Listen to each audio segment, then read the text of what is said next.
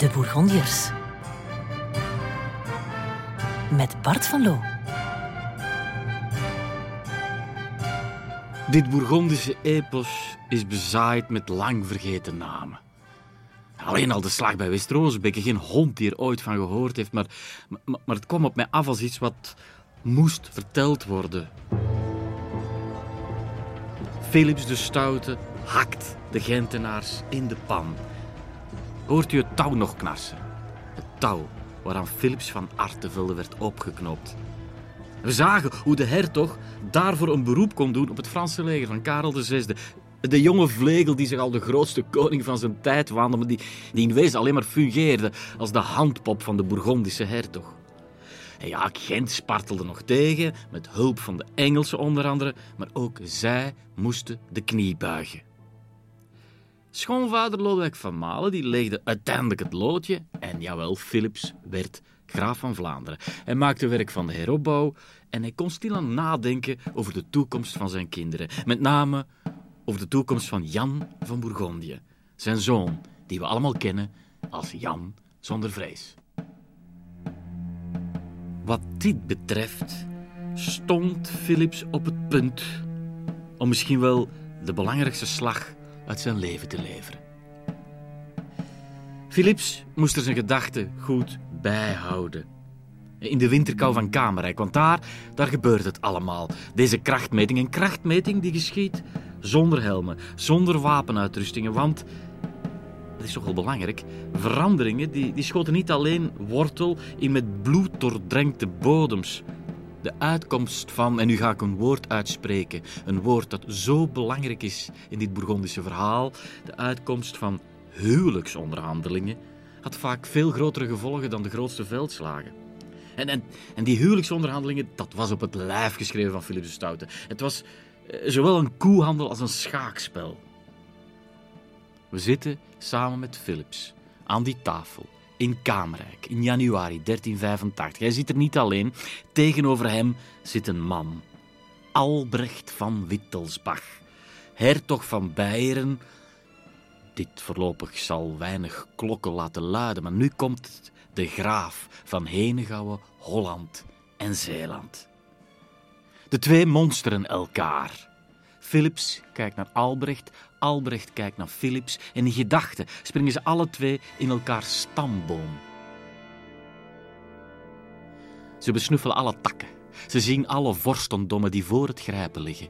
Maar er moet uiteraard bikkelhard onderhandeld worden.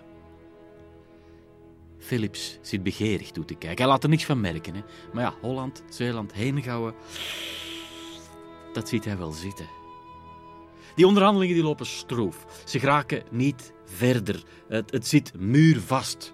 Mocht er een uh, reporter aan de ingang van het Bourgondische hertoginnendaal hebben gestaan, zou die hebben gezegd: We geraken geen centimeter verder. Morgen spreken we verder.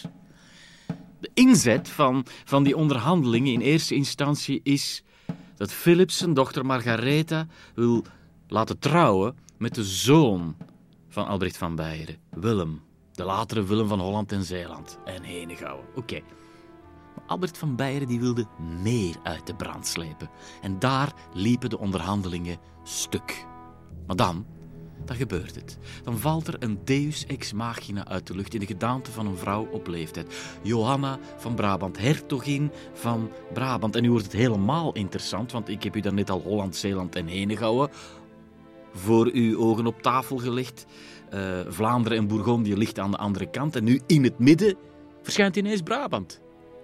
Geef toe, in de verte ziet u ineens al de contouren van de lage landen ontstaan. De lage landen, vergeet niet, we spreken nu met terugwaartse kracht. Daar was toen nog geen sprake van. Dit waren gewoon versplinterde hertogdommen die, en vorstendommen die niks met elkaar te maken hebben. Maar toch wij, met onze blik van de 21ste eeuw, zien dat er spectaculaire dingen op het punt staan te gebeuren.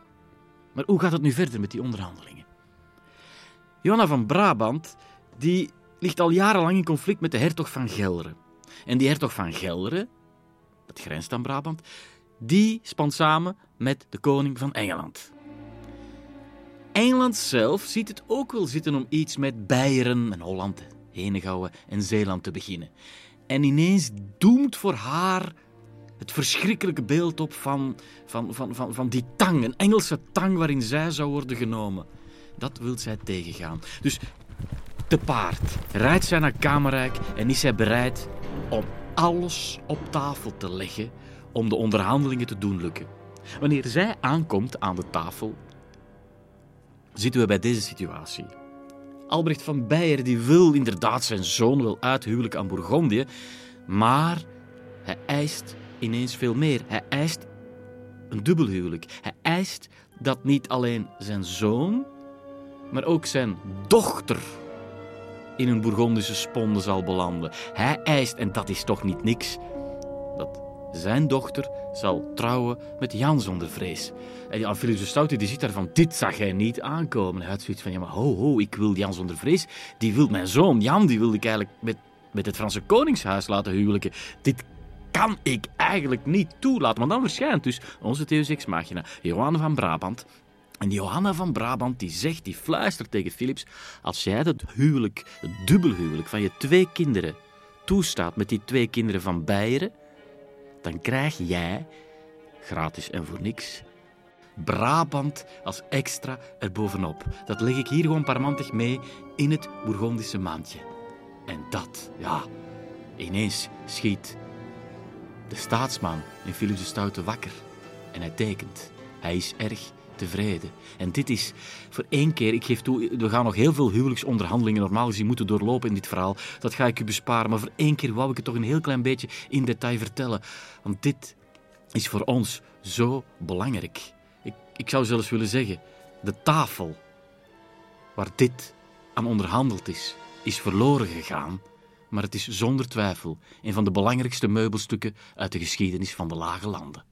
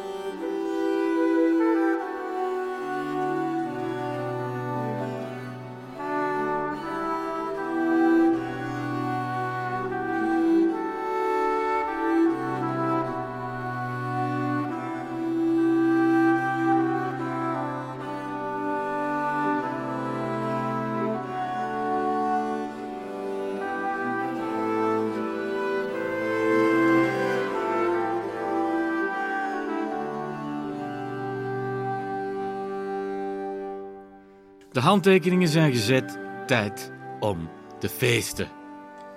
In mijn boek doe ik dit tot in de kleinste details uit de doeken. Hier alvast een poging om toch al een heel klein beetje het water bij u in de mond te laten stromen. U ziet ze daar zitten, alle genodigden, half aristocratisch Europa, komt samen in Kamerrijk. Wat een mooie naam, Cambrai in het Frans. Hoe moeten we ons dat inbeelden? De vloeibare gerechten, niet origineel, maar die komen gewoon in kommen op tafel. Oké, maar verder, en dat is interessant, wordt de maaltijd geserveerd, en dat is al sinds de tijd van Karel de Groot het geval, op dikke sneden brood. En luister goed, want het snijden van dat brood noemde men in die tijd niet couper du pain, maar tailler du pain. En afgeleid van dat woord tailler noemde men zo'n afgesneden stuk brood dat dus dienst deed als bord. Afgeleid van tailler noemde men dat een tailloir. En hier springt weer de etymoloog in mij naar boven, want uiteraard is van het woord tailloir het Vlaamse taloor afgeleid. Komt recht aanvliegen uit Kamerrijk, zo u wil. En ze zitten vaak per twee voor zo'n tailloir. Ondertussen zijn we natuurlijk al wel wat, wat verder gevorderd dan in de tijd van Karel de Grote. En onder het stuk brood had men al een houten of een metalen snijplankje geschoven. En het is dat, dat snijplankje dat op de duur ook een, een rand krijgt. En we zien daar al de contouren van ons moderne bord verschijnen. En per twee delen ze zo'n tailloir. En het delen van het brood is weer etymologisch zo warmbloedig uit te leggen. Want ja, het delen van het brood, met wie doe je dat? Met wie deel je in het Frans? Het brood. Met uw makker, met uw maat, met uw co-pain, copain. Eten en vriendschap, innig verstrengeld in die Franse taal. En brood is superbelangrijk. Waarom is brood superbelangrijk? Omdat er nog geen aardappelen zijn. En waarom zijn er nog geen aardappelen? Omdat we voor 1492 zijn.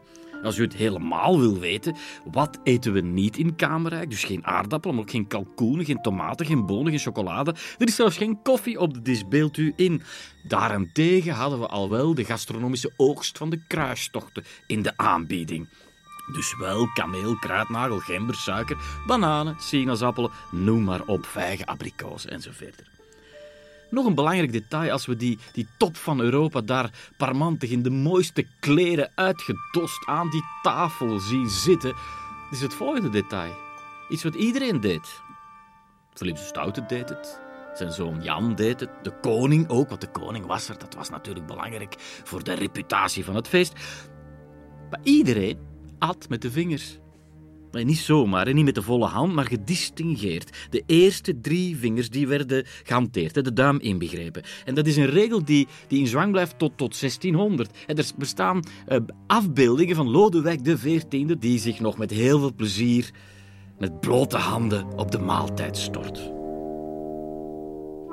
De hamvraag is natuurlijk wat werd er gegeten. En ik moet helaas voor een keer toegeven dat de boekhouding mij in de steek laat. Het juiste menu is zoek geraakt. Maar om u een idee te geven van wat daar werd gegeten, ik heb wel het menu teruggevonden van het huwelijksfeest van de grootvader van Philips de Stoute, de overgrootvader van Jan zonder vrees, de vader van Jan de Goede. U weet wel, de, de anti-held van Poitiers. Dat was de eerste Valois, die Philips heette. Ja, wat had u gedacht? En voor zijn feest in Reims op 29 mei 1328 liet hij 82 ossen, 85 kalveren, 289 schapen, 78 varkens en 13 paarden aanrukken. Hij had ook meerdere dozijnen hoenderhoven leeggeplunderd 824 konijnen, 10.700 kippen en 850 kapoenen. Dank u wel, meneer de boekhouder, want dit is toch fijn om te vertellen, geef toe. Uh, er werden ook 345 roerdompen en evenveel reigers uit de lucht geschoten. Komt daar nog bovenop, ik vraag mij toch echt af, heeft iemand dat dan letterlijk geteld? 40.350 eieren, 736 snoeken, 3.150 palingen, 2.279 karpers, 4.000 rivierkreeften en bent u aan de andere kant, bent u nog mee? Hebt u nog plaats in uw geest voor 243 zalmen? Ik ben nog niet uitgepraat, want uh, om de, de kleinste gaatjes te laten vollopen, kwamen de, dienaren ook nog aanlopen met 3342 vleespasteien, 492 palingterrines en uiteraard 2000 kazen. De logische vraag die een mens dan stelt, dat is alleszins de vraag die ik mij stelde, was: maar hebben die middeleeuwse aristocraten dan een grotere maaginhoud dan wij? Het antwoord is natuurlijk heel eenvoudig: nee. U moet het als volgt voorstellen. De maaltijd in die tijd had iets van een buffet. Of een opeenvolging van buffetten. De tafels die werden meerdere keren na elkaar gevuld met nieuwe spijzen. En die, die gerechten die overspoelden de dis in verschillende golven. Het is een stroom die de lekkerste stukken, zeer belangrijk, voerde tot bij de koning en tot bij de pasgehuwde. Het was grijpen en graaien. En de wijn? Ja, de wijn die vloeide bij beken uiteraard. Die stroomde uit ingenieuze tafelfonteintjes. En er was iemand die voorproefde, de échanson. Dat was de man die de wijn van de hoge gasten moest voorproeven, want die zou natuurlijk wel eens vergiftigd kunnen zijn. Wijn, ik herinner u, die nooit zuiver werd gedronken met toujours coupé à l'eau. En als u dat allemaal voor ogen hebt, dan kunnen we nu naar de keuken gaan. Want die keuken, dat is een soort van oven op mensenmaat, waar de dienaren in livrei de gerechten zwetend in hun handen nemen en naar de eetzaal brengen. Wat horen we allemaal? Het gekletter van tafelgerei, het snijden en het kappen van de trancheertafels, het gezang van ministrelen uiteraard, die coupletten te berde brachten. En wat roken we? De, de walm van de fakkels, de kaarsen.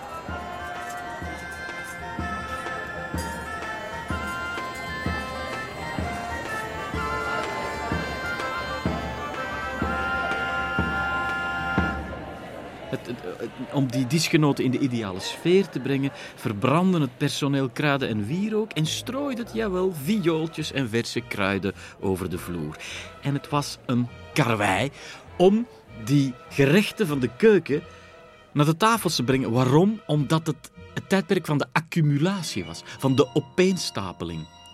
Dus je moet zich inbeelden dat de, de, de stukken gebraden kalfsvlees, reebok, hert, everzwijn, gans, patrijn, korra, noem maar op, de pauwen, de reigers, de zwanen, de lijsters, de merels, dat die in een soort van ingewikkelde constructies tot indrukwekkende piramides werden opgestapeld. En dat moest natuurlijk in een soort van ballet en evenwichtsoefening elegant tot bij de tafels worden gebracht. En die koks die haalden geintjes uit. Waarom? Omdat de Bourgondiërs daar gek op waren. Wat bedoel ik met geintjes? Ze propten varkensbuiken vol met aan elkaar geregen worstjes. Die bij het opensnijden als een soort van copieuze paternoster op de tafel gulpte. De, de, de trapganzen die kregen edelstenen in hun ogen. De, de hazelhoenen die werden in een gouden abijt gepresenteerd. Uh, varkensvlees in de vorm van een vis. Enfin, de, er kwam geen einde aan die fantasie van die koks. Heel spectaculair was de pauw. De pauw die in volle glorie op tafel verscheen. Eerst hadden ze zijn statiemantel uitgedaan. Ze hem volgepropt met een soort van farce, zoals de Fransen zeggen. Opnieuw de, met de veren bekleed. En dan uiteindelijk werd er een vod in de mond van die, van die pauw gestoken. Die werd aangestoken met vuur, waardoor het, het, het, die pauw opgedrukt als een soort van prins, tegelijkertijd als een vuurspuwende draak de feestzaal werd binnengedragen. De bedoeling was dat de mensen achterover vielen van verbazing. Van wat gebeurt er hier allemaal? En het ging nog verder. Er kwamen ook van die ingewikkelde decorstukken aan te pas die al dan niet met voedingswaren waren bereid. Bijvoorbeeld, een van die entremets die we weten, die zijn, die zijn via de archieven en via dichters en sprekers die aanwezig waren tot bij ons gekomen. Het was een soort van kasteel die door de Moeren werd, werd, werd belaagd. In de slottoren praakten twee maagden. Met de ene die droeg een kroon en de andere was bekleed met de Franse leliën. Het, het, was een knipoog natuurlijk naar de Turken die oprukten in het oosten. Het was ook al een vooruitblik naar wat er zou gebeuren met Jan zonder vrees, maar straks meer daarover. De, de Bourgondiërs die ontpopten zich tot de meesters van deze met humor en poëzie opgeblazen bouwkunst ter vraatzucht.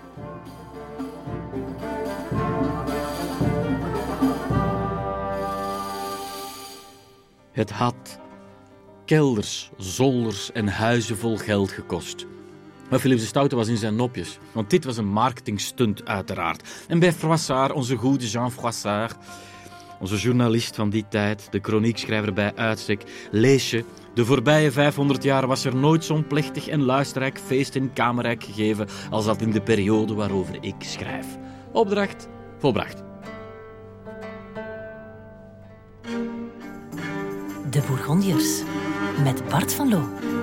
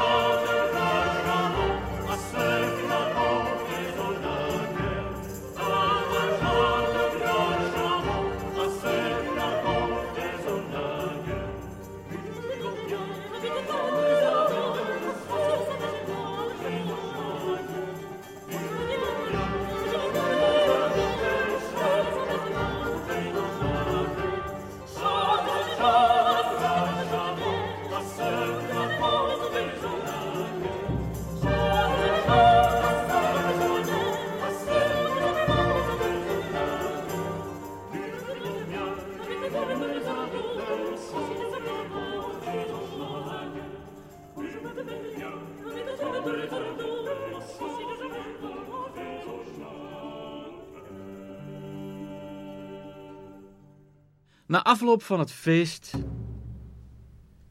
was het nog niet gedaan. Want tot vreugde van iedereen volgde er dagen, zeg maar een hele week, met steekspelen. Dat, dat lees je dan in academische geschriften. Na het feest was er een riddertoernooi. Punt. Daarna gaan de meeste schrijvers van geschiedkundige werken over tot de orde van de dag, de politieke of de economische orde van de dag. Maar het is dan dat de 15-jarige in mij opspringt en zegt: nee, hier moeten we halt houden. Voor alle duidelijkheid, ik had mijn boek uiteraard niet kunnen schrijven dankzij het veldwerk en het archiefwerk van generaties historici. En ik ben ook echt blij dat ik op hun gespierde schouders kan zitten. Het is de lezer, de 15-jarige lezer van Slans Glorie, die zegt: stop, niet tot de orde van de dag. Want, en die de vraag stelt van, zo'n steekspel, hoe zit dat dan in elkaar? Wat waren de spelregels? Ik stel voor dat we nu even de beelden van Ivanhoe en Roger Moore, dat we die even wegdringen uit ons collectief geheugen en gewoon proberen te zien wat er echt aan de hand was. In eerste geval was dit levensgevaarlijk. De ridders die hier wel wekenlang naar hadden uitgekeken, die, die stonden wel op het punt om, om hun hachje te verliezen. Dit was, dit was zo gevaarlijk dat de paus in Rome het maar niks vond. Dat er zelfs een regel werd afgekondigd van alle toernooiduivels die eraan gaan op het slagveld van het toernooi, wel dat die, geen, dat die niet in gewijde grond kunnen begraven worden, dat die geen katholieke begrafenis kunnen krijgen en noem maar op. Het bracht geen zoden aan de dijk. Dit speeltje liet de aristocratie zich niet afpakken. Ook in Kamerrijk vormde het eigenlijk het hoogtepunt van het feest. Daar verschijnen ze. Ziet u ze daar? De, de, we zien de getrainde strijdrossen die briesend op het veld verschijnen. En zij torsen het gewicht van beschilderde harnassen, waarin in wambuis gestoken strijders zich verbergen. Dat is interessant, want uh, de vestimentaire codes die zijn in de loop der eeuwen wel veranderd. We hadden eerst de maliënkolder, u weet wel, de van ijzeren ringen gevlochten maliënkolder, die tot 20 kilo kon wegen. En in de 13e eeuw volgde dan het uit ijzeren platen bestaande harnas. Dat was veel lichter, want om de rom te beschermen had je alleen maar 5 kilo ijzer nodig. En het bood ook een betere bescherming tegen kruisboogpijlen. De, de ridders kregen een soort van onaantastbaarheid, maar tegelijkertijd was er een nieuw gevaar. Want als je zoals middeleeuwse robbenkop van je paard tuimelde en je lag daar op je rug, kon je natuurlijk niet 1, 2, 3 recht springen en weer verder in de strijd gaan. Het, was soms, had het voetvolk op bepaalde ondergronden, denk maar aan de Gulden Sporenslag, echt wel een voordeel op die geharnaste strijders. Maar kom, wat mij interesseert is het volgende. Van de ene dag op de andere, van de ene jaren op de andere jaren, van de ene eeuw naar de andere, had je dus een vestimentaire evolutie dat plotseling de ridders niet meer te zien waren. Men zag alleen maar ijzeren omhulsels. Dat was redelijk problematisch, want je wist niet meer wie er tegenover je stond. Daar had men dan weer een oplossing voor. Men ging er allerlei symbolen op schilderen. En Frankrijk met zijn gouden lelies, Bourgondië zelf de schuine blauwe en gele balken. Jan zonder vrees zou daar later nog de klimmende zwarte leeuw van Vlaanderen aan toevoegen. En die wapenschilden die werden steeds spectaculairder en complexer, waardoor je van de weeromstuit eigenlijk moest doorgestudeerd hebben om weer te herkennen wie er tegenover je stond. Dat was bij die toernooien bijzonder complex. Mensen stonden te kijken en zagen allerlei mensen die, die, die in beschilderde harnassen voorbij kwamen gestormd. En niemand die nog eigenlijk wist wie er daarin verscholen zat. Ondanks die, of net omwille van die ingewikkelde symboliek die erop stond. Toen kwam de heraut op de proppen. De heraut was iemand die natuurlijk rond ging roepen dat er een groot toernooi aankwam. Maar er was ook iemand die als een soort van middeleeuwse nerd al die symbolen van buiten had geleerd en die tijdens zo'n toernooi bij een soort van Rick de Zadeleer van de middeleeuwen rechtstreeks een commentaar kon geven om te zeggen en het is nu de hertog van Gelderen die op zijn buik is gevallen. Dat iedereen zei, ah, hoe erg. De hertog van Gelderen, zou hij nog kunnen rechtkomen? Die man, die heraut, die verloste het hoge gezelschap rond het veld uit hun heraldische verwarring. En zo zien we dat weer etymologisch de heraut en de heraldiek met elkaar verbonden zijn. U voelt aan mij dat ik dit allemaal heel spannend vind, maar het is echt onmogelijk om in dit korte tijdsbestek dat ons hier vergund is, om alle details van de slag uit te leggen. We hebben de mêlée, we hebben de behoer. Uh, geïnteresseerden begeven zich maar naar bladzijde 133 van mijn boek. Ik ga het even met u houden over het onderdeel der onderdelen van een riddertoernooi. Het steekspel. Het steekspel, u weet wel, de, de, trouwens, het toernooi komt van het feit dat ridders, wanneer ze op elkaar zijn afgereden, dan weer moeten terugdraaien naar hun beginplaats uh, terugkeren. Tournee, tournoi. Enfin, ik geef het u maar mee. Maar het steekspel, het steekspel dat we ook kennen van Ivanhoe, het steekspel, twee ridders te paard die het tegen elkaar opnemen. En ik wil hier ook weer even een vooroordeel of een vergissing of, of, of een een foutief idee uit de wereld helpen. Het was niet zozeer de bedoeling om de tegenstander uit het zadel te lichten. Het was wel de bedoeling om zoveel mogelijk lansen, en een lans dat was een houten steel met een ijzeren punt erop, op de tegenstander, liefst op zijn schild, kapot te breken. En degene die het hoogst aantal lansen brak, was de winnaar van het steekspel.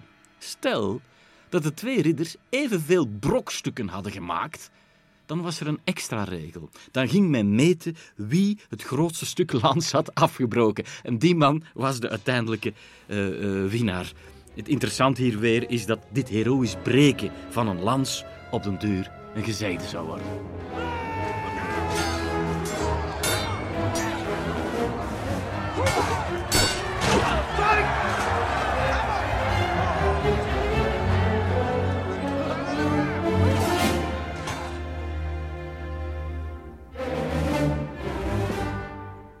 Laten we nu, te midden van dit strijdgewoel, de lens van onze historische verrekijker scherp stellen en inzoomen op onze hoofdrolspeler. De bruidegom, Jan, Jan zonder vrees. Man die op dat moment nog altijd maar 13 jaar is. Hij kijkt zich de ogen uit het hoofd hij kijkt naar die strapatsen op het strijdveld. Hij ziet hoe rondom hem wordt gediscussieerd, gelachen en gewezen. Hij, doet mee aan het gesprek, want ja, als er iemand iets verkeerd doet, dan wordt er gelachen. Of als iemand iets waanzinnig knap doet, dan zegt van, ah, het is bijna zo goed als Richard Leeuwenhard. Philips van de Elzas, ook zo iemand die als oude toernooiheld weg is, in die conversaties durft opduiken. Maar enkel de geniaalste uithalen, die krijgen het predicaat van Willem de Maarschalk. Willem de Maarschalk, de Eddy Merckx uit de toernooigeschiedenis. Hij die eind 12e eeuw tot 500 ridders gevangen wist te nemen en beschouwd werd als de grootste ridder aller tijden. En daar, Daar zat Jan van te dromen. Daar was hij mee bezig. Hij keek amper naar zijn vrouw. Hij was dertien. Hij wou veel liever ridder worden dan echtgenoot. Zijn, zijn vader die zit naast hem en die is druk aan het gebaren. Hij kijkt scherp uit zijn ogen, zijn pa, een politicus die zijn kansen telt. En Jan die kijkt alleen maar naar die ridders. Zijn vrouw is acht jaar ouder. 21, 13. Het zou nog even duren, maar uiteindelijk zou het een goede relatie worden. Acht kinderen, zeven dochters en godzijdank één zoon. Eén zoon die zal uitgroeien tot de echte stamvader, de enige en echte aartsvader van de lage landen. Ik hou zijn naam nog even voor mezelf. Onze verrekijker gaat nu een kleine centimeter naar omhoog. Naar de rang achter Jan zonder vrees. Een beetje hoger in de tribune. Zijn neef zit daar. Lodewijk van Orléans. De jongere broer van de koning, de jongere broer van Karel VI. Dus, dus een mondaine jongeling die zich met hoofdse zwier tussen de genodigden begeeft. En die zit achter Jan. En die Lodewijk, die was altijd een stapje sneller als het aankomt op woordspelingen, complimenten, grapjes. Dus een soort man, weet je, zo de perfecte man. Zo iemand waar je van denkt, ja, ja, altijd het juiste woordje op het juiste moment. Smaakvol dansen, buigend een grol verkopen en dan nog met één oogopslag de vrouwen imponeren. Weet je wel, zo van die mannen waar als je zelf dertien bent in een slungel, je van de een op de andere moment meteen zonder echt na te denken een hekel aankrijgt. En die twee, Jan en Lodewijk, die, die zijn gewoon gemaakt om met elkaar vergeleken te worden. Ze zijn op een jaar na even oud en ze bekleden een vergelijkbare positie. Orléans, Lodewijk dus, was de nummer twee van het Rijk na de koning. En Jan, de nummer twee van Bourgondië en Vlaanderen, na zijn vader. Er is een aarzelende kameraderie die noodgedwongen tot stand komt. Maar die kameraderie is vanaf het begin getekend door de vervelende aandoening die rivaliteit heet. De successen, de spotternij, het verbazend gemak waarmee die een zich in de wereld begaf, Lodewijk, ergerde Jan, die iets moeizamer in het publieke leven stond. En gaandeweg zou Jan, zonder het hardop te zeggen, een soort van afkeer ontwikkelen voor die in zijn ogen al te modieus geklede lapswans. Maar niemand die er iets van merkt. Het is feest, de ridders op een sportieve manier spelen met elkaars leven. Maar in die tribune, de eretribune, terwijl de ridders met veel kabaal voor hun eer strijden, in die tribune ontkiemt geraasloos een prille vijandschap.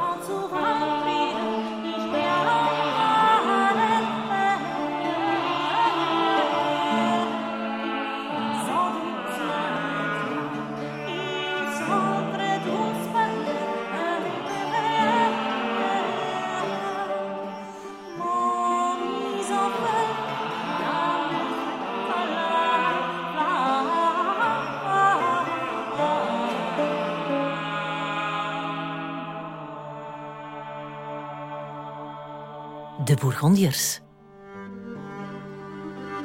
Met Bart van Loo. Philips de Stoute had zijn fantastische huwelijksfeest gehad. Het dubbelhuwelijk, hij zijn twee kinderen uitgehuwelijkt. Het zit erop. Het is een groot succes. Diplomatiek, ceremonieel, politiek, territoriaal. Is natuurlijk wel zo dat hij er stiekem van had gedroomd om zijn zoon, zijn troonopvolger Jan, uit te huwelijken aan iemand van het Franse Koningshuis. Dat is nu anders gelopen, maar hij laat zich niet kennen. Hij denkt na en hij zal erin slagen als een soort van koninklijke koppelaar om de Franse koning Karel VI te laten trouwen met het nichtje van Margaretha van Beieren, met het nichtje van Jans vrouw. Al wat hij daarvoor moest doen was een portret van die mooie Isabella van Beieren laten zien aan die jonge, opgewonden, van testosteron overlopende Karel VI. En alleen al bij het aanschouwen van dat portret sloeg de vlam in de pan en hij wilde zo snel mogelijk die Isabella, die ranke Beierse, aanschouwen. En op 14 juli 1385 is het zover en godzijdank hebben we iemand die ernaast stond. Dus we kijken nu door de ogen van Froissart, wie anders, naar de ontmoeting tussen Isabella van Beieren en Karel van Frankrijk. We zijn in Amiens en Froissart ziet het volgende. De koning bekeek haar met grote ogen en langs die blik drongen liefde en lust zijn hart binnen. Hij zag hoe jong en mooi ze was en voelde het verlangen aanzwellen haar te bezitten. Eh, Karel die, die, die, die, kan zich niet meer inhouden. En die, die zegt tegen, tegen Philips de Stoute, ik wil, ik wil meteen trouwen. Ik wil zo snel mogelijk van mijn eerste huwelijksnacht kunnen genieten. En Philips de Stoute had eigenlijk al een huwelijksfeest voorzien in Kamerrijk. Maar ja, de, van de goesting zal ik maar zeggen van de koning geraakt men daar niet. Want in Amiens, meteen stand te beden, wordt het huwelijk gesloten en kan genoten worden van de eerste huwelijksnacht. En zo is onze slimme Philips de Stoute er toch maar weer in geslaagd om het huis van Beieren, dat ondertussen helemaal vastgeklonken was aan het huis van Bourgondië, ook weer in een ingewikkeld netwerk te verbinden met het Franse koningshuis.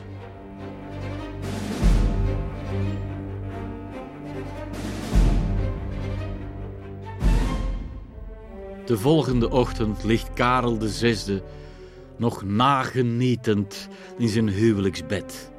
Een beetje zoals iemand die na een trouwfeest nog de smaak van truffels van het feest in zijn mond probeert terug op te roepen. Al waren het hier andere genoegens waar hij aan dacht.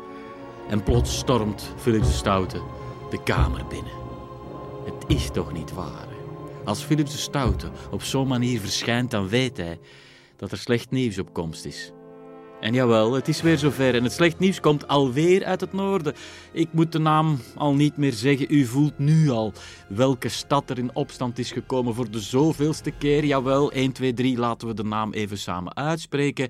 Gent, jawel, het verdorven Gent. Verdorven in de ogen van de Fransen en de Bourgondiërs uiteraard, is weer in opstand gekomen. Deze keer niet van Artevelde, die hebben we achtergelaten in een boom op het slagveld van West-Rozebeke, maar een zekere Frans Akkerman. Die is nu overgegaan tot de verovering van Damme. En achter de troon van Karel VI stijgt één groot gesakker op. Het is, uiteraard, het is Eustache Deschamps. Eustache Deschamps de klagende kroniekschrijver en dichter die nu aan zijn water alweer voelt dat hij, het dichterlijk geweten van Frankrijk, opnieuw naar dat vochtige Vlaanderen zal mee moeten gaan in de sporen van Karel VI en Philips de Stoute om opnieuw tegen die verdoemde Gentenaars te vechten. Hij schrijft, Gij valse steden Gent. Ik slaap buiten ben verstijfd van de kou, leg me gewapend in het zand. Wat een mooi geschenk van Gent en heel dit valse Vlaamse land. Ik werd bezocht door meer luizen dan er in een emmer kunnen huizen. Er is ook nog wel een kalenderdichter verloren gegaan aan deze Eustache Deschamps. Maar we zitten dus voor Damme. Damme zal door die akkerman midden in de nacht in de steek worden gelaten, waardoor de Bourgondisch, Frans-Bourgondische troepen naar binnen kunnen dringen en Tamme zal verdwijnen in de vlammen. U ziet het, ik blijf die bedenkelijke rijmelarij van Eustache Deschamps gewoon zelf verder zetten.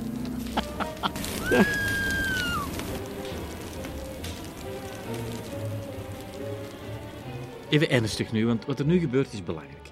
Philips de Stoute heeft opnieuw de touwtjes strak in handen in Vlaanderen en gaat onderhandelen met de Gentenaren.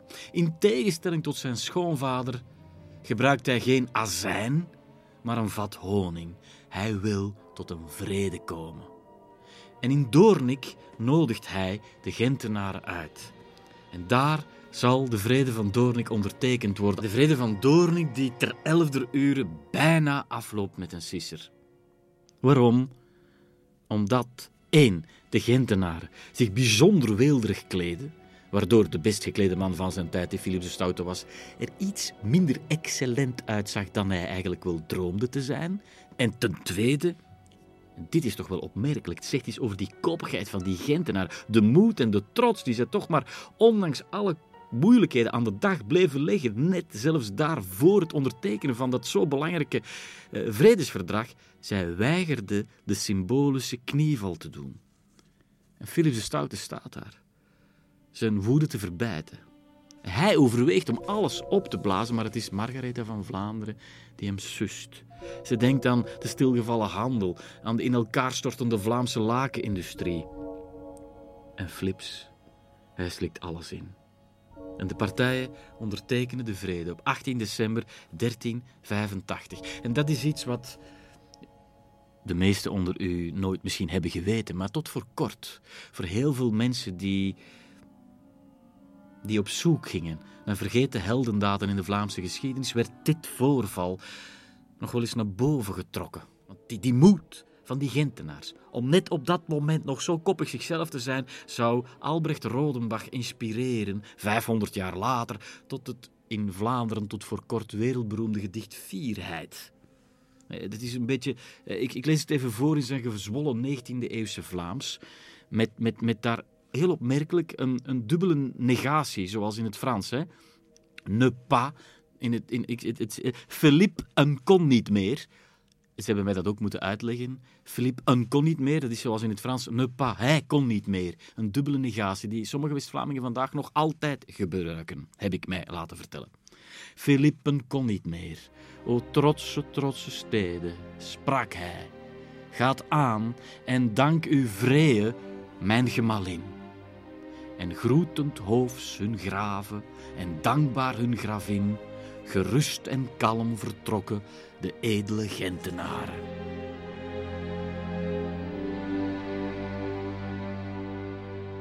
En dit gedicht krijgt een slotvers dat zal uitgroeien tot de hartekreet van een soort van Vlaams nationaal ontwaken. Helaas, waar is der ouderen fierheid nu gevaren? Eigenlijk vraagt Rodenbach zich in 1876 af, zo op dat moment naar de actualiteit in Vlaanderen verwijzend. Ja, waar zijn die voorouderlijke krachten naartoe gegaan? Ze zijn weg. Waar is onze moed, die we destijds tegenover Philips de Stoute zo hebben getoond, waar is die naartoe?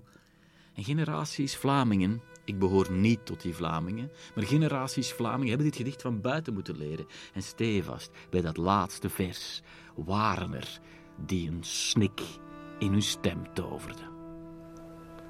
Filip en kon niet meer.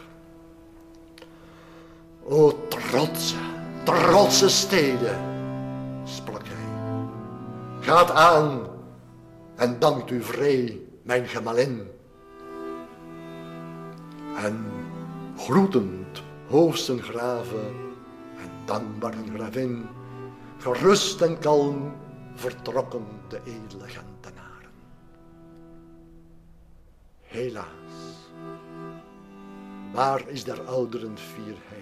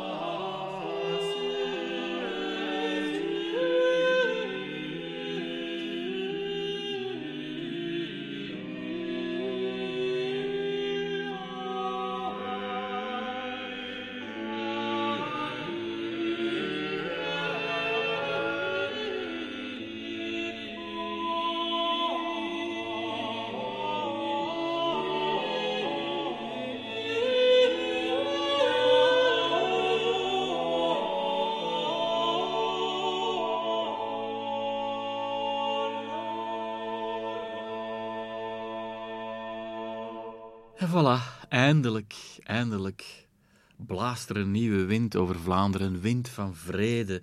En kan Philips de Stoute eindelijk, om met een cliché te zeggen, op zijn lauweren rusten.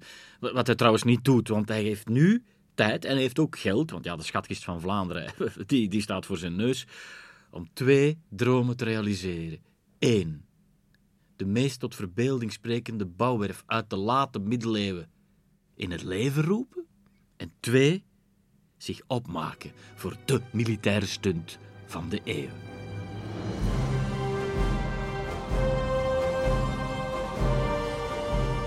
Voor dat militaire huzarenstukje moeten we ons naar Sluis begeven, een havenstadje.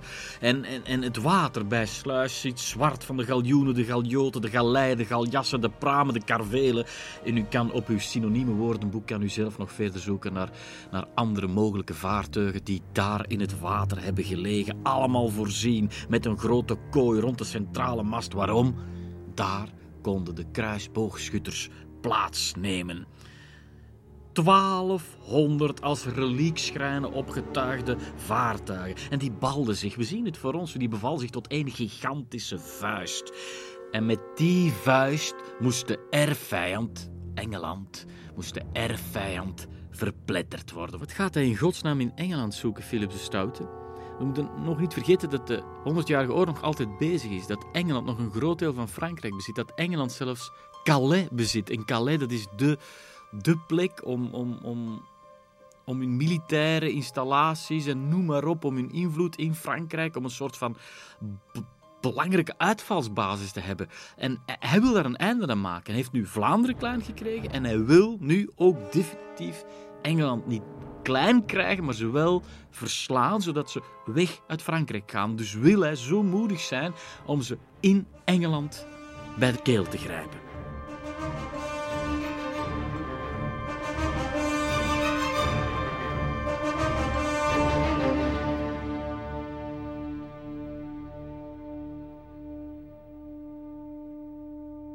Dus staan we in Sluis. We, we staan er. Philips de Stoute. En ook Jan zonder vrees. Ze kijken met tweeën naar het water. En ze zijn alle twee ongeduldig. Philips de Stoute, die wil vertrekken. Die wil zo snel mogelijk met zijn vloot naar Engeland vertrekken. En, en, en Jan, Jan, die is ondertussen weer een paar jaar ouder. We zijn in 1386. Hij is één jaar ouder dan daarnet, maar toch, kom. Hij, wordt ouder en hij heeft ilmetarde. Hij is ook ongeduldig, net als zijn vader. Hij wil stilaan op het voorplan treden. Maar ja, voorlopig staat hij erbij en kijkt hij ernaar. Hij ziet wel veel. Hij ziet hoe dat de, de voedingswaren komen aangerold. Want ja, als de Bourgondiërs te strijden trekken, dan moet er toch onderweg wel mondvoorraad zijn. En nog meer dan voedsel, en hier komt die militaire stunt, nog meer dan voedsel verschijnt er hout in Sluis. U zal zeggen hout en dan. Ja, maar hout, hout, allemaal bestemd voor het technisch huzarenstukje van de 14e eeuw. Eigenlijk zag Jan zonder vrees hoe voor hem een reusachtige IKEA-bouwdoos avant la lettre in elkaar werd gestoken. De idee was de volgende. Engeland, zoals ik net zei, heeft Calais als uitvalsbasis in Frankrijk. Philips de Stoute wou ook een soort Calais hebben in Engeland, maar dat hadden ze niet. Dus had hij besloten samen met de Franse koning Karel VI, hadden ze besloten om een soort van opvouwbaar Calais te verschepen. Een kilometers lange omheining van 7 meter hoog, om de 30 meter voorzien van een uitkijkpost, perfect demonteerbaar, makkelijk in elkaar te zetten. Een mobiele citadel. La ville en bois.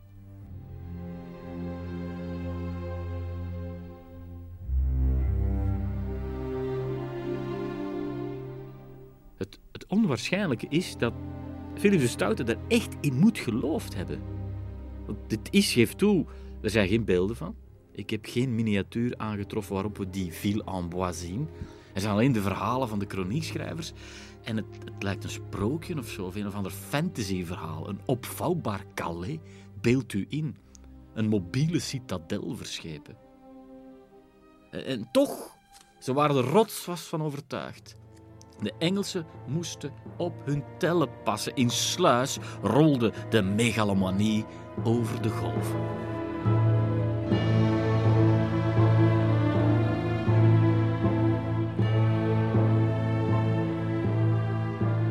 En toch, en toch zal heel dit onwaarschijnlijke houten verhaal in het water vallen. En waarom?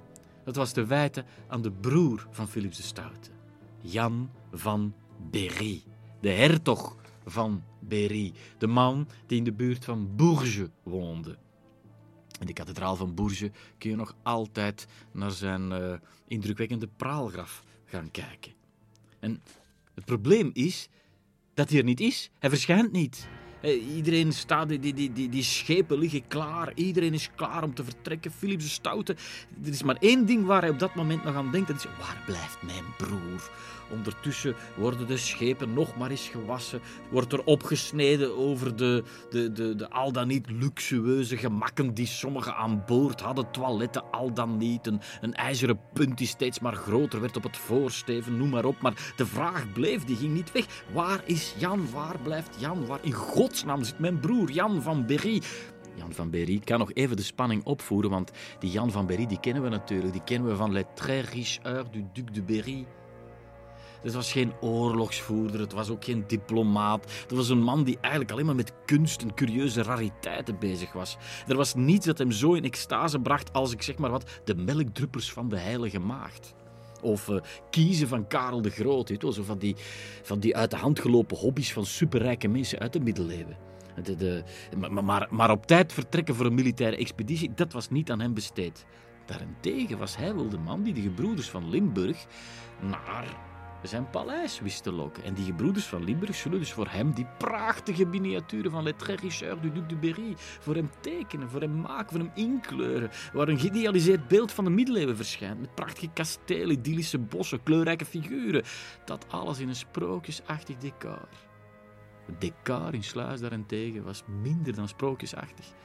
De winter kwam eraan, het regende, de voedingswaren die waren ondertussen een, een verregaande verbroedering aangegaan met de plaatselijke schimmelculturen. Het begon daar te stinken, uren in de wind en dan, waar bleef die broer en die broer? Die... Daar kwam hij. Daar verscheen Jan van Berry. Vijf na twaalf. Te laat. Het was te laat in het jaar. Het was te koud. De winter stond voor de deur. We konden niet meer vertrekken. Philips de Stoute scheldt zijn broer uit zoals hij nog nooit iemand had uitgescholden. En zonder u, zegt hij, waren we al in Engeland.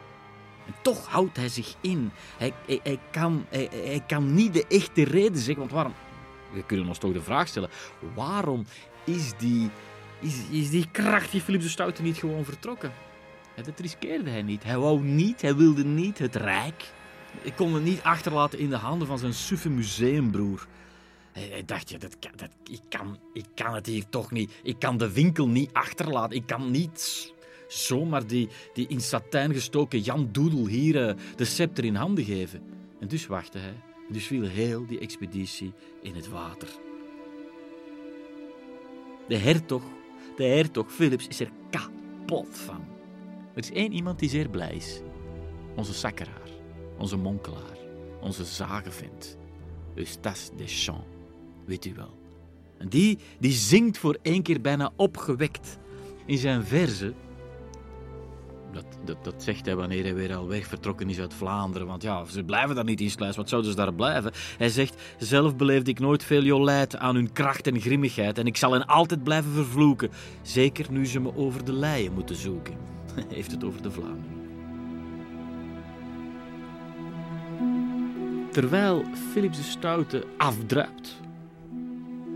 Terwijl zijn mobiele citadel gedemonteerd wordt en voor een deel gebruikt wordt in Vlaanderen om zijn wapenarsenaal in onder te brengen, recyclage avant la lettre, slaagt hij er toch weer in om de reputatie aan zijn kant te krijgen. Want ondanks die deuk in zijn eergevoel, holt de, de, de legende van de houten stad, van het huzarenstukje, van, van het technisch wonder van de eeuw, het holt voor hem uit. En het komt overal. Iedereen hoort wat een wonderlijke onderneming die Philips de Stoute wel niet op touw heeft gezet. En dat dat dan mislukt is, dat, dat vergat men. Het, het was het wonder van de ondernemingszin. De hubris van Philips de Stoute, die ervoor zorgde dat iedereen dacht: wat een kerel, wat een patser, wat een held.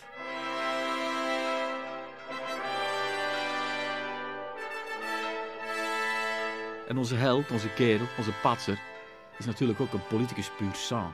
Want nu hij ziet dat heel die militaire onderneming om Engeland eronder door te krijgen toch geen zin heeft, dat het gewoon falikant is afgelopen, wat doet hij als een volbloed politicus? Hij draait zijn kar en hij zet alles in op vrede met Engeland.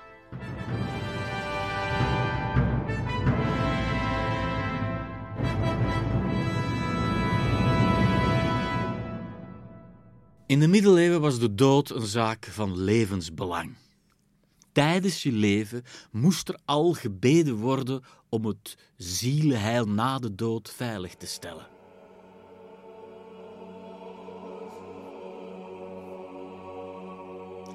En eens je dood was, was het nog niet gedaan met bidden. Want er moest er nog meer gebeden worden. En de regel was, hoe dichter je bij het afgestorven lichaam van iemand bidt, hoe meer heil er op die postume rekening kan worden bijgeschreven. Dat is iets wat Philips de Stoute natuurlijk in de kop speelt. Hij droomt van, van een plek waar, waar, waar monniken voor hem bidden. Dat kan niet anders dan een klooster zijn. En 1388, 1390, in het laatste decennium van de 14e eeuw, maakt hij werk van een klooster. In Chamols, vlakbij Dijon, vereist een, een prachtig monasterium. En om dat monasterium, dat klooster, die abdij, om die te decoreren, nodigt hij de grootste kunstenaars uit het noorden uit. Waarom uit het noorden? Ja, de deur was opengegaan. Vlaanderen en het huwelijk van zijn zoon en zijn dochter is de, de deur op een kier naar Holland, Zeeland, Henegouwen en Brabant natuurlijk. Dus de grootste kunstenaars uit onze contraien die trekken naar Chamols, omdat ze uiteraard goed betaald zullen worden door Philips de Stoute. En van waar komen ze? Ze komen uit, uit Ieper, uit Dendermonde, Dienand, Haarlem, Nijmegen, noem maar op. Laat ik een paar namen citeren. Jacob de Baarse, beeldhouwer uit Dendermonde. Johan Maalwaal, die geboekstaafd staat als de eerste officieel geregistreerde, gekende Nederlandse schilder ooit. Enfin, daarvoor waren er ook, maar daar hebben we de namen niet van. Wie nog? Melchior Broederlam uit Ieper, die dezelfde reputatie in de Vlaamse geschiedenis torst. Trouwens, welke kunstenaar en welke schrijver zou er geen moord begaan om dezelfde naam te dragen? Melchior Broederlam. Prachtig toch? En, en die kunstenaars die komen allemaal samen op die bouwwerf in Chamols. Eh, Die komen uit vorstendommen die op dat moment eigenlijk nog niet zo heel veel met elkaar te maken hebben. Oké, met onze blik vanuit de 21ste eeuw weten wij nu al dat dat ten lage landen zal worden. Maar op dat moment was dat nog niet het geval. Zij komen daar samen eh, op die bouwwerf en gaan daar voor groot deel diets met elkaar spreken. Er is één iemand die verantwoordelijk is voor de, voor, de, voor de glazen, voor het glaswerk, Le Verrier. Die staat in de Bourgondische boekhouding genoteerd als Henri Glazenmaker. In het Diets. Mijn stelling is: het is misschien een boute stelling, maar ik geloof er rotsvast in. Mijn stelling is dat wij, de lage landen, de Nederlanden, dat wij daar voor het eerst bestonden als een soort van kunstexperiment. En wat daar op kunstzinnig vlak gebeurt, zal later door de kleinzoon van Philips de Stoute, Philips de Goede, op staatkundig vlak gerealiseerd worden. Is het geen stichtende? Is het geen inspirerende? Is het geen hartverwarmde gedachte dat wij, lage landers, geboren werden op een kunstwerf op het einde van de middeleeuwen?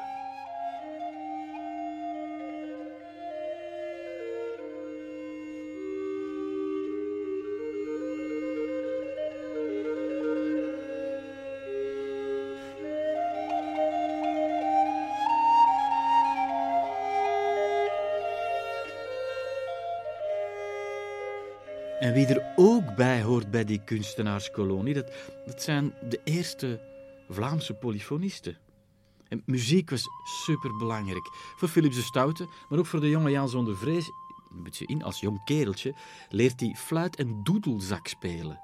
En, en, zijn, zijn vrouw, eh, Margaretha van Beieren, die, die, die was geen onverdienstelijke harpiste.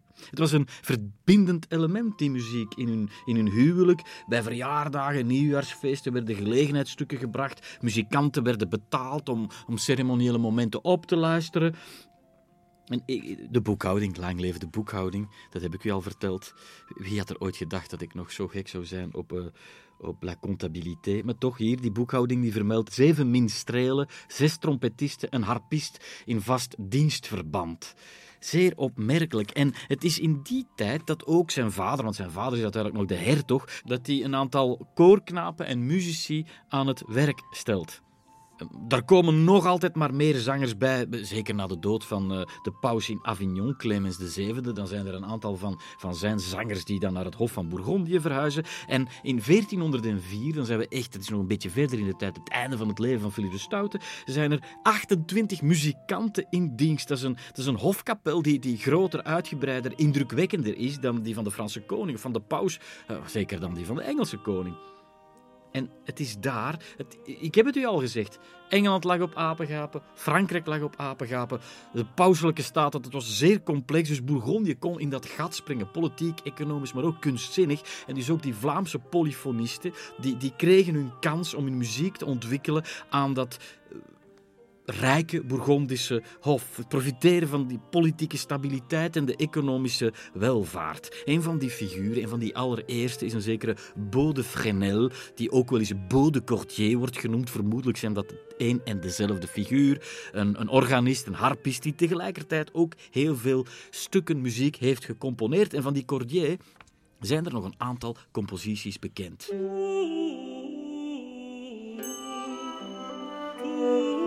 Beeld u in hoe, Philips de Stoute aanwijzingen geeft voor zijn klooster in Chaumol, hoe de schilders en de kunstenaars uit het noorden aan het werk zijn, terwijl op de achtergrond de gezangen weer klinken. Ach, Bourgondië, het land van wijn, van politiek, van oorlog, van kunst, van schilderijen en van sprookjesachtige muziek.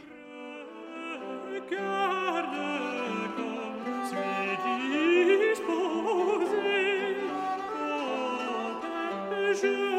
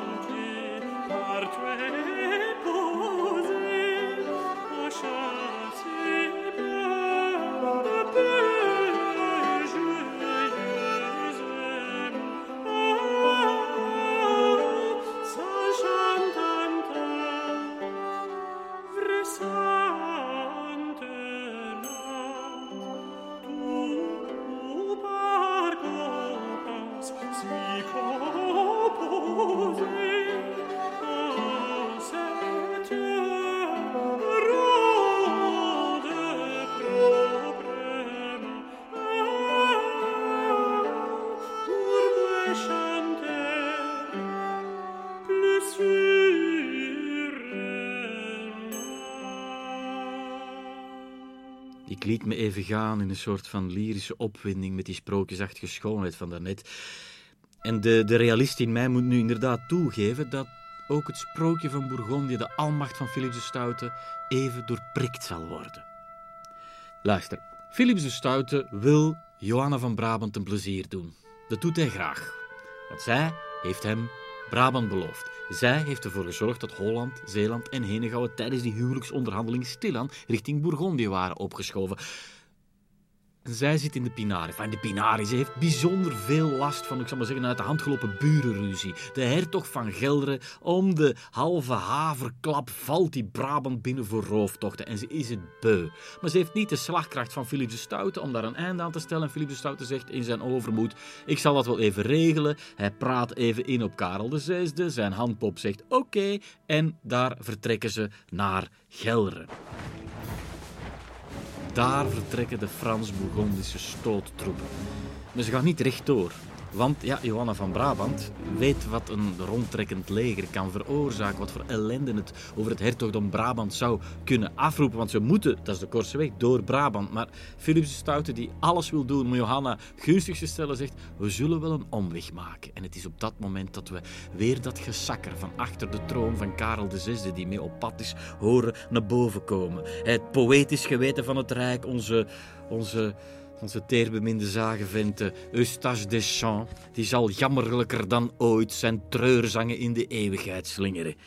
Want die denkt, God, als wij een omweg moeten maken en niet Brabant moeten doortrekken, Brabant moeten ontzien, dat betekent, en dat zegt Philippe Stout hem ook, dat ze door de Ardennen moeten. Helemaal door de Ardennen. Deschamps begrijpt er niks van. Hij begrijpt niet dat ze hun krachten niet gebruiken voor de Engelsen. Dat ze hun beste kruid verschieten om die stomme hertog van Gelre te pakken te krijgen. Hij schrijft: Men laat een arend gaan om een gans te vangen. Ze ploeteren langs de Ardennen, uiteindelijk via Roermond richting Nijmegen. En daar, bedoel, het is much ado about nothing, hè, want Willem van Gelderen die ziet al snel dat hij tegen die overmacht toch niets kan beginnen, gaat zich dan halfslachtig hypocriet voor ex excuseren tegenover Philips de Stoute. En uh, voilà, dat is dan het einde van het verhaal. En dan moeten ze terug, maar het einde van het verhaal is, is, is vreselijk, want het is zo slecht weer en het is een stortvloed. Is, en ze moeten weer langs die Ardennen terug.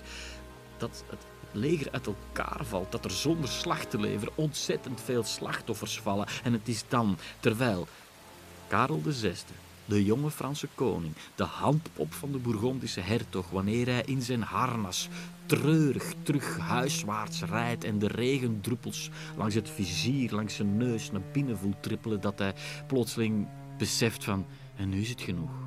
Nu neem ik zelf het heft in handen. Hij roept de regentenraad bij zich en zegt, dank u wel, het was heel fijn, maar nu ga ik de lakens uitdelen. Ik heb geen regenten meer nodig. Philips de Stoute staat erbij en kijkt ernaar en beseft dat hij niet meer een beroep kan doen op het Franse leger. Dat hij niet meer met zijn gespierde rechterhand in die bodemloze schatkist van Frankrijk kan graaien. En zoals het een echte survivor, een echte overlever betaamt, zegt hij: Oké, dan is het zo.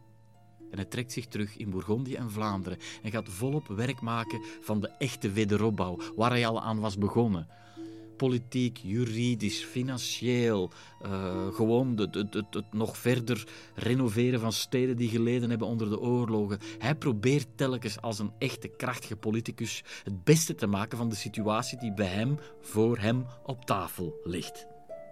En, en, en natuurlijk, um, hij moet dan heel die, want hij, krijgt, hij kan niet meer bij die, bij, die Franse centen. Hij moet het zelf betalen. Die, die, die roemloze aftocht uit Gelre, die modderpartij, moet hij betalen. Hij recht zijn rug, schrijft een brief naar Johanna van Brabant en zegt: Kijk, lieve Johanna, we hebben het probleem van Gelre opgelost. De rekening vindt u in bijlage. Uiteraard kan Johan van, van Brabant dat helemaal niet betalen. Dat wordt dan weer handig opgelost. Zij zegt: Weet je wat, als later Brabant naar Bourgondië komt, dan doe ik er lekker Limburg bij. En hier zitten wij van op de 21ste eeuw op onze wolk van zogezegde alwetendheid toe te kijken. Maar kunnen wij toch niet anders dan stilaan toegeven dat de blauwdruk van de contouren van de lage landen, dat die stilaan vorm krijgt. En dat de ondertitel van dit epos, de Bourgondiërs aarsvaders van de lage landen, stilaan in marmer voor uw ogen wordt uitgebeiteld. En nu heeft de geschiedenis een knotsgekke wending van het lot in petto met grote gevolgen voor Philip de Stoute en Jan zonder vrees.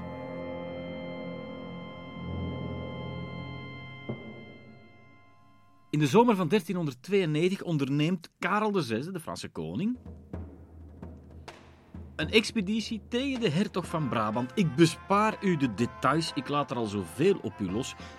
Hij wil de hertog van Bretagne een lesje leren. Philips de Stoute, Jan zonder vrees, allemaal mee trekken ze met het leger van de Franse koning naar Bretagne. Wie is er ook bij? Lodewijk van Orléans, weet u wel, de stille concurrent van Jan zonder vrees. De jongere broer van de koning, die van ambitie bijna door zijn paard zakt. Jan zonder vrees is in hetzelfde bedje ziek. Die twee jongelingen zijn erop gebrand om zich te bewijzen. Zij dromen van een slagveld. Dat zal er toch wel komen in Bretagne. Ze gaan toch vechten, daar hopen ze op. Waar hopen zij op? Zij hopen op dat ene, de droom, de droom der dromen van een ambitieuze knaap in 1392. Dat is om zich te onderscheiden op het slagveld en om dan uiteindelijk daar tot ridder te worden geslagen.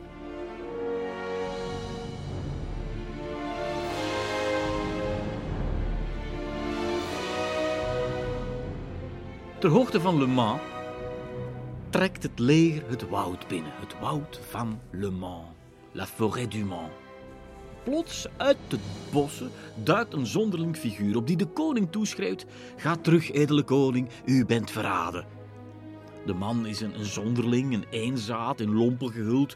Niet echt iemand heel gevaarlijk, dus ze houden hem alleen maar op afstand. Maar ondertussen blijft hij wel heel de tijd zijn mantra herhalen. U bent verraden, u bent verraden. En die woorden die raken bij de vorst. Karel VI, een gevoelige snaar. Ik ben nog vergeten te vertellen dat onze vorst op dat moment een koortsachtig gemoed heeft. Dat hij eigenlijk een beetje ziek is. Dat zijn artsen hem verboden hadden om ten strijde te trekken. Maar die raad had hij in de wind geslagen.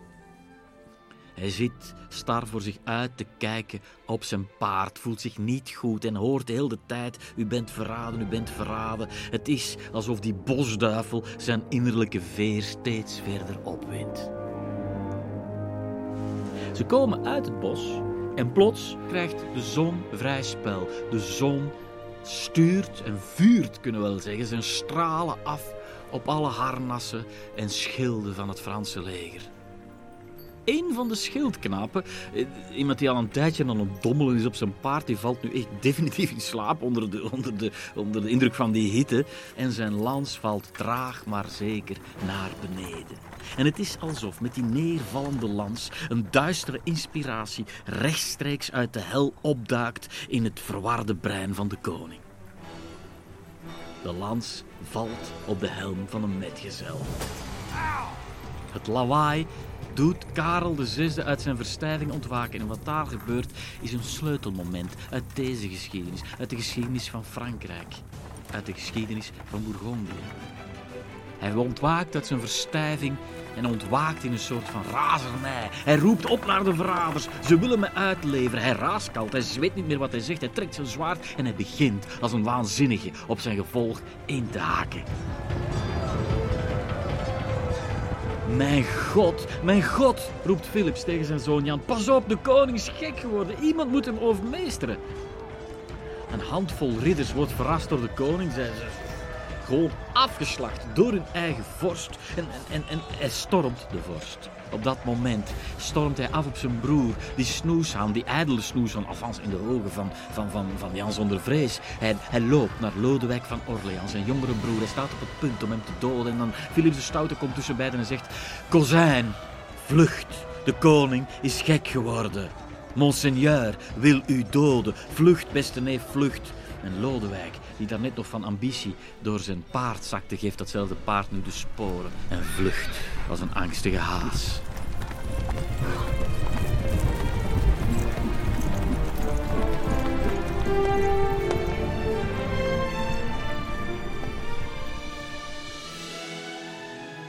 Dat is het moment waarop de omstaanders met tientallen de koning bespringen en hem op de grond nederdrukken.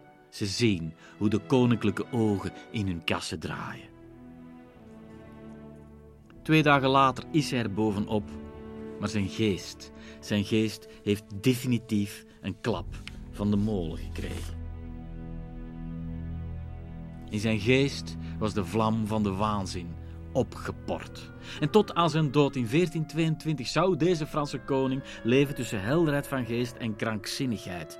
Nu eens weer kon hij onder de mensen komen, op zijn troon zitten, mensen ontvangen, maar daarna trad de duisternis van de waanzin weer binnen in zijn gemoed en moest hij zich terugtrekken in zijn vertrekken waar hij opgesloten werd, onder handen genomen door kwakzalven, geneesheren, die hem een eindeloze reeks van brouwsels toedienden. Noem maar op, het, het niets, maar ook niets hulp. Hij werd knettergek. Ik ben Joris de gekwetste, riep hij uit. En dan wees hij naar zijn vrouw, de prachtige, slanke Beierse.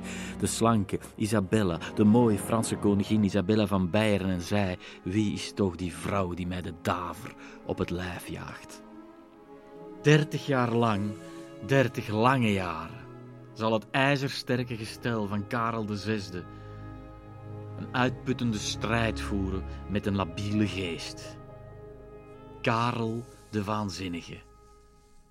En terwijl de Franse vorst een hopeloos gevecht met de duivel van de waanzin aangaat, en terwijl de Frans-Engelse verhoudingen onder zijn bewind al even versplinterd geraken als zijn verdwaasde geest, en terwijl Philips de Stoute zich overgeeft aan zijn grote kunststroom en er in Chamol met hulp van kunstenaars uit het noorden de prachtigste bouwwerf uit de late middeleeuwen zal verrijzen, terwijl dit alles zijn onwaarschijnlijke en onstuitbare gang gaat, zal Jan zonder vrees zijn ridderdroom realiseren.